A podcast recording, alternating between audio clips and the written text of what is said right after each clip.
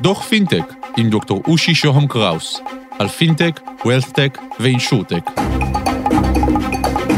דוח מספר 43 על בינה מלאכותית ופיננסים, התחלת התחלות. שלום, כאן דוקטור אושי שוהם קראוס, ברוכים הבאים לדוח פינטק, פודקאסט בנושא פיננסים, ביטוח, בנקאות וניהול הון דיגיטליים חדשים. הפודקאסט הזה יהיה דחוס וענייני, אין לאף אחד מאיתנו עודף זמן.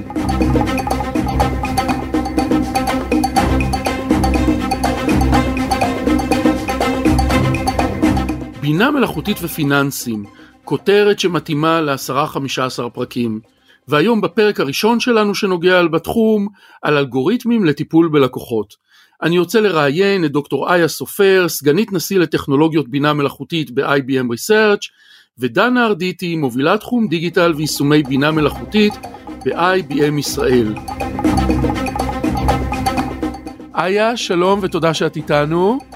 שלום, מושי. דנה, שלום לך ותודה שאת איתנו גם. שלום. אנחנו מדברים על בינה מלאכותית כ-game changer בתעשייה של הפיננסים. מה המשמעות של בינה מלאכותית בפיננסים? העולם הפיננסי למעשה מונע מאז ומעולם על ידי נתונים ומספרים.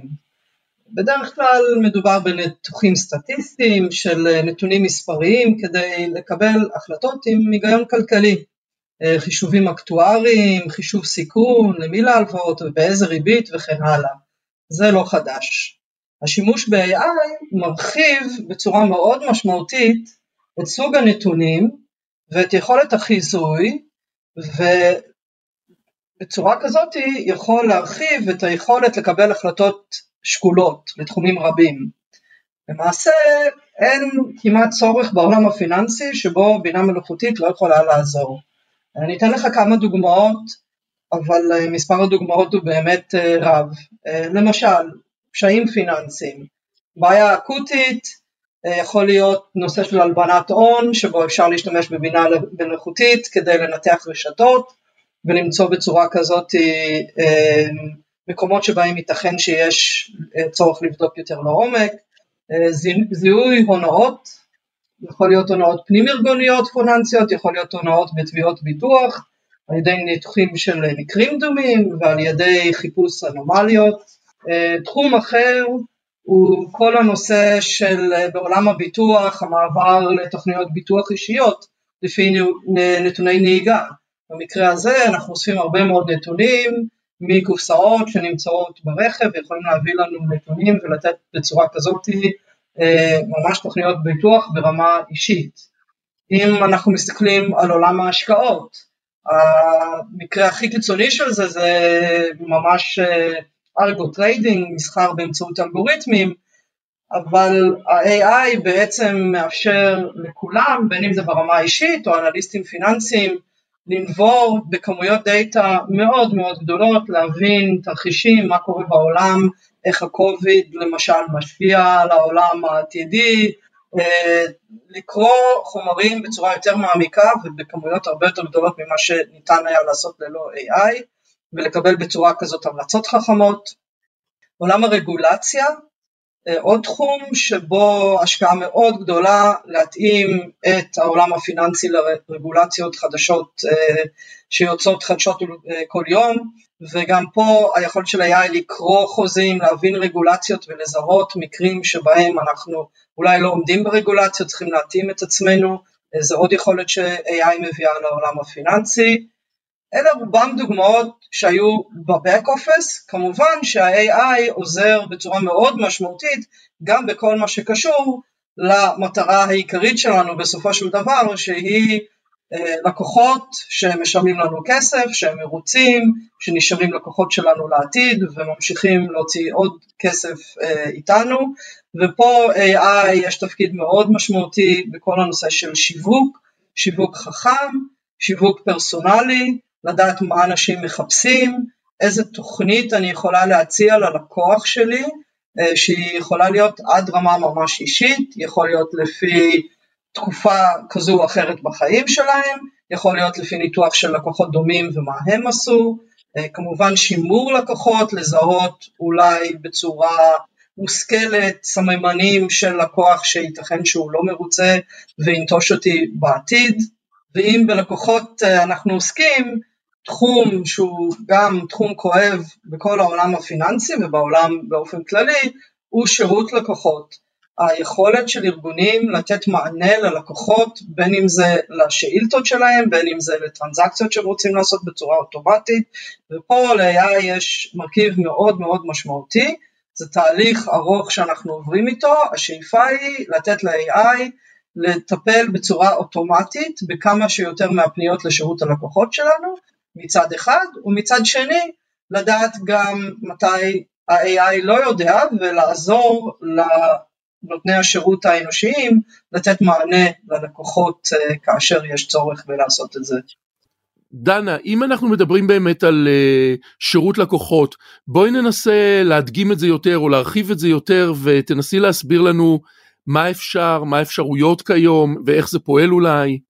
אוקיי, אז כשאנחנו מדברים על אה, שירות לקוחות, הרבה פעמים אנחנו מתייחסים למה שאנחנו קוראים העוזר הווירטואלי, אה, זה בעצם אותו אה, בוט שעוזר לארגונים להתמודד עם המסה של הפניות שמגיעות למוקד, ולמעשה אם עד היום הכרנו את העוזר הווירטואלי שהלקוח מתכתב איתו, היום אנחנו רואים גם את העוזרים הווירטואליים הקוליים תופסים את אה, מקומם אה, בארגונים האלה, והעוזר הווירטואלי הקולי הוא בא לתת מענה למסה של פניות שמגיעה למוקד שירות הלקוחות. רק עכשיו בקורונה לדוגמה ראינו מבול של פניות לבנקים, למשל בנושא של דחיית משכנתאות, והם לגמרי לא היו ערוכים לטפל אה, במספר כזה גדול של פניות. אז, אז יש הבנה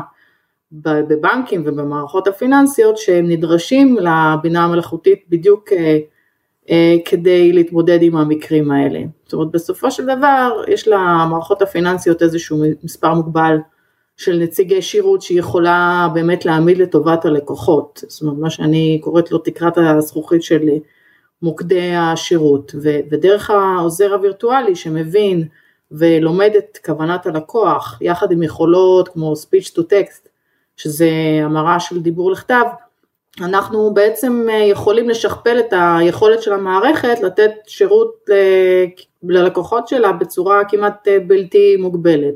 אה, המערכות האלה כבר מיושמות אה, היום אה, בארץ ובעולם, בבנק אה, בספרד למשל, יישמו את אה, פתרון העוזר הקולי, שמכסה 80% מהפניות שעוברות דרכו ומטפל, מצליח לטפל בהצלחה ב-70%. המספרים האלה הם מספרים מאוד גבוהים, הם, הם באמת לא פחות מדרמטיים בעולם השירות, והם משפיעים קודם כל על חוויית השירות של הלקוח, שבעצם מתקרבת לחוויה ש... שהוא עובר, אה, במה שהוא עובר בערוצים הדיגיטליים. אז אה, למעשה בפועל כשהלקוח אה, פונה למוקד, זה, הוא פשוט במקום לעבור איזשהו מסע מאוד ארוך ומייגע במענה הקולי, שכן או לא יביא אותו אחרי איזשהו תהליך של ייבוש ארוך אל הקו, על הקו אל הנציג ש, שיכול באמת לעזור לו, אז הוא פשוט אומר בשפה שלו מה הוא רוצה. ככה זה למעשה עובד, והעוזר הווירטואלי אה, מבין אותו, ולמעשה כרגע יש כמה אופציות, או שהוא ידע לטפל בבקשה שלו עד לסיום, מבלי להגיע לנציג בכלל, דרך הפעלה של מגוון של שירותים בארגון, או שהוא יבצע כמה איטרציות אה, מול הלקוח, וככה הוא בעצם אה, מבצע חלק מהתהליך שהנציג היה עושה אותו. אחרי כן הוא יכול להעביר את כל המידע שנדרש במסגרת הפנייה של הלקוח הזה ישירות לנציג להמשך טיפול. אפשרות נוספת כמובן היא שהעוזר הווירטואלי יפנה את הלקוח אה, להמשיך את התהליך מול אחד מהערוצים הדיגיטליים ולמעשה הוא מאפשר ללקוח לקצר משמעותית את זמן השירות אה, בערוץ שנחשב עד היום לבזבזן אה, רציני של זמן. את, את בעצם מדברת על uh, תוכנה, על צ'טבוט מסוגל להבין את הצרכים הפיננסיים שלי, את הבעיות הפיננסיות שלי, לא בעיות הפיננסיות הכלליות, אלא את, ה, את הבעיה הספציפית שיש לי למשל כשאני פונה לבנק? כן, לא רק שהוא מסוגל אה, להבין את אה, מהות הפנייה ש, ש, לתו, של, שלמענה אתה פונה לבנק, הוא מסוגל בעצם גם להתקשר לתוך המערכות הפנימיות של אותו בנק ולהבין אה, איזה, אה, איזה מידע הוא יכול להשתמש תוך כדי הטיפול בפנייה. זאת אומרת, ההבנה הזאת היא בעצם מסתמכת על כמויות מידע גדולות שנציג במוקד לפעמים מתקשה להתמודד איתן.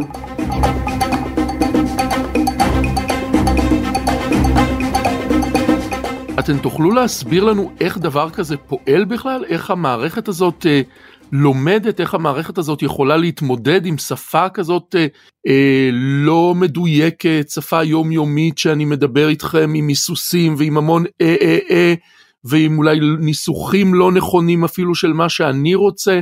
איך המערכת הזו בכלל יודעת לפעול ככה? איה, כן. פה בשאלה הזאת שלך באמת יש את המהות של הבינה המלאכותית. היכולות בשנים האחרונות של מחשב להבין שפה טבעית ולזהות שפה טבעית, כלומר שפת בני אדם, השפה שבה אנחנו מדברים, הוא המקום שהרבה מאוד מהמחקר שלנו בקבוצת המחקר שלי וגם בקבוצות מחקר אחרות מתמקדות. המפתח לדבר הזה הוא לאמן למעשה את ה-AI או את הבינה המלאכותית ולהבין את הדרכים השונות שבהן ניתן לומר דברים דומים. חלק מזה נעשה על ידי אימון באופן כללי, כל התחום של ה-AI מונע מכך שנותנים למחשב הרבה מאוד דוגמאות ומתוך הדוגמאות האלה המחשב יכול להכליל ולהבין שכאשר אני אומרת אה, אני רוצה לדחות את תשלום המשכנתה שלי, או למשל אני אומרת המשכנתה שלי אני צריכה לשלם אותה בעוד שבוע, האם אפשר לקבל הערכה, כל הדרכים האלה הם דרכים דומות להגיד בדיוק אותו דבר, וככל שאנחנו יודעים לתת למערכת הבינה המלאכותית יותר דוגמאות שבהם נאמר אותו דבר בצורה שונה, היא יכולה ללמוד. חלק מהדברים האלה כבר נעשים מראש, מתוך זה שיש כבר הרבה מאוד ניסיון בתחום. החלק השני הוא לתת ולמעשה לבנות מערכות שיכולות ללמוד עם הזמן, וחלק מהפתרונות שאנחנו נותנים ונמצאים גם כיום אצל הלקוחות, מאפשרים למערכת להיות ללמוד עם הזמן, כלומר ללמוד מהטעויות שלה, משהו שגם אנחנו כבני אדם בתקווה עושים. ה-AI במקרה הזה יוכל לזהות שהלקוח לא היה מרוצה מהתשובה שלו, ייתכן שזה יהיה כי הלקוח אומר בצורה מאוד משמעותית, לא הבנת אותי, אפשר לדבר עם לקוח אנושי, דברים מאוד ספציפיים שנותנים לנו להבין שלא הבנו פה, בבינה המלאכותית זה הזדמנות נפלאה ללמוד, כי אנחנו יודעים שהנה יש עוד דרך להגיד כנראה את אותו דבר, שאנחנו צריכים עכשיו לאמן את הבינה המלאכותית שלנו ולהרחיב את הידע שלה. אה, בצורה כזאת יש עוד טכנולוגיות שבהן היום בינה מלאכותית יודעת ממש לייצר, אה, תיתן לה דוגמאות, היא יכולה לייצר עוד דוגמאות דומות מעצמה, פשוט על ידי זה שהיא כבר מבינה את התבניות ואיך מייצרים שפה. אה, כל הדברים האלה מאפשרים לנו היום להגיע לרמת דיוק מאוד מאוד מאוד גבוהה, אה, להיות יכול, מסוגלים שהבינה מלאכותית תבין אותנו כאשר אנחנו שואלים את השאלות בצורה מאוד שונה וגם כפי שדנה אמרה, הסוכן הווירטואלי הזה לא רק מבין אותנו, הוא גם יודע להביא אינפורמציה לגבינו בגלל שאנחנו עוברים איזשהו תהליך הזדהות בהתחלה וגם הנתונים האלה יכולים לעזור לדייק את ההבנה של מה אני איה צריכה לעומת מה אתה רושי צריך כאשר אתה מתקשר לשירות הלקוחות. בעצם אם אנחנו מדברים על בנק של עוד 30-40 שנה בהנחה שיתר התנאים יישארו אותו דבר ורק הבינה המלאכותית תתפתח אה, יפה, אמ, בעצם אנחנו מדברים על בנק שכמעט לא צריך אה, מגע יד אדם, זה נכון? היה? מבחינת הצורך להמשיך אה, להיענות לאנשים גם על ידי מכונות וגם על ידי אה, בני אדם, מה יקרה עוד 30 שנה זה קצת רחוק, אבל בחמש שנים הקרובות, אולי אפילו עשר שנים הקרובות, להערכתי אנחנו נצטרך את השילוב של המענה האנושי והבינה המלאכותית. אני מאמינה שבינה מלאכותית תוכל לענות על יותר ויותר מהצרכים בצורה אוטומטית, אבל עדיין נשארו הרבה מאוד מקרים, אנחנו קוראים לזה הזנב הארוך, שבהם הפניות הן ייחודיות, ולפניות הייחודיות האלה אין יכולת לבינה המלאכותית ללמוד להיות מסוגלים לתת את התשובה. כך שהעתיד, לפחות הנראה לעין, הוא שילוב של מענה אנושי לבעיות שזקוקות באמת לבן אדם שיתעמק וירחיב ויתשאל את הלקוח, ועוד את הדברים היותר שגרתיים שהם בדרך כלל מהסטטיסטיקות לפחות 80% מהפניות יוכל באמת, תוכל הבינה המלאכותית לענות, כתוצאה מזה כפי שדנה אמרה קודם, הלקוח לא צריך לחכות הרבה זמן בשביל התשובות שהוא יכול לקבל בצורה אוטומטית, ומאידך הסוכנים האנושיים יהיו פנויים לענות על הבעיות היותר מורכבות בצורה מהירה יותר ויותר לשביעות רצון הלקוח. אה, דנה, אנחנו מדברים עד עכשיו על נקודת המבט של הלקוחות. באיזה אופן הסוכן הזה, הבינה המלאכותית, יכולים בעצם לעזור גם לארגון עצמו? אז uh, העוזר הווירטואלי הזה בעצם יכול לשמש uh, גם את העובדים במערכת הפיננסית, לעזור להם לטייב את רמת הידע ואת היכולת שלהם לבצע פעולות רוטיניות. Uh, כמו שאיה אמרה, באמת uh, uh, יש הבנה שהמוח האנושי יכול וצריך לבצע פעולות שבהגדרה הן מורכבות יותר מאלה של הבינה המלאכותית. אה, דוגמה קלאסית היא שיחות אה, מכירה, מערכת הבינה אה, המלאכותית יכולה לשחרר את העובדים בארגונים הפיננסיים מלבצע פעולות רוטיניות שהן הרבה פעמים מייצגות כ-70% או 80% מהעבודה שלהם ולאפשר להם להתפנות למשימות מורכבות יותר ושבהגדרה המשימות המורכבות יותר נותנות ערך רב יותר לארגון. אה, לדוגמה, אה, יש אה, בנק בצרפת שמערכת בינה מלאכותית מחליפה את פקידי הבנק בטיפול ב-30 אלף מיילים ביום. אז ברור שמתפנה להם הרבה מאוד זמן וזה מאפשר להם להשקיע את הזמן הזה בשיחות שירות ומכירה משמעותיות, משמעותיות עם הלקוחות שלהם. יש הרבה מקרים גם לדוגמה שהפקידים בבנק צריכים לעקוב אחרי סדרה של תהליכים מובנית מראש, אה, שגם גם לוקחת להם זמן, אבל גם יכולה להיות אה, מקור לטעויות, זאת אומרת אנחנו גם פה חשופים להרבה טעויות ובמערכות הפיננסית זה יכול להיות אפילו קריטי יותר. אנחנו משלבים ויכולים לשלב עוזר, עוזר וירטואלי כזה של הפקיד שבעצם מנחה אותו בביצוע הפעולות האלה, זאת אומרת עוזר לו בעצם לבצע את המשימות יומיומיות ובמקרים אה, רבים איפה שאנחנו יכולים לשלב גם את האוטומציה אנחנו גם יכולים לבצע את הפעולות האלה אה, במקומו. אה, אני אתן לך דוגמה מעניינת שבחברת ביטוח פיתחנו איזשהו עוזר וירטואלי ללקוחות שבעצם מפעיל איזשהו כיסוי ביטוחי. ואחרי מספר שבועות גילינו להפתעתנו שחוץ מהלקוחות בשבילם נוצר השירות הזה ושמאוד התלהבו מה, מהקלות של התהליך, הנציגים עצמם במוקד השירות מפעילים את אותו אה, עוזר וירטואלי כשמגיעה אליהם הפנייה אה, למוקד.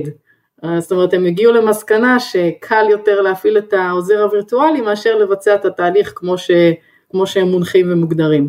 אז אה, זה דוגמה למצב שבעצם הבינה המלאכותית עוזרת גם לסוכנים בתוך הארגון בייעול של הזמן שלהם. דוקטור איה סופר, סגנית נשיא לטכנולוגיות בינה מלאכותית ב-IBM Research, תודה שהיית איתנו. תודה לך אושי.